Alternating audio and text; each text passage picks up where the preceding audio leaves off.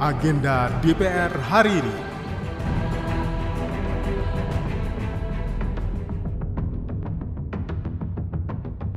Pagi, apa kabar? Kembali lagi di agenda kerja Wakil Rakyat hari ini, Selasa, 10 Januari 2023 bersama saya, Tiara Mustika. Pukul setengah 10 pagi akan dilaksanakan rapat paripurna DPR RI ke-14 dengan acara pidato Ketua DPR RI untuk pembukaan masa persidangan 3 tahun sidang 2022 sampai dengan 2023.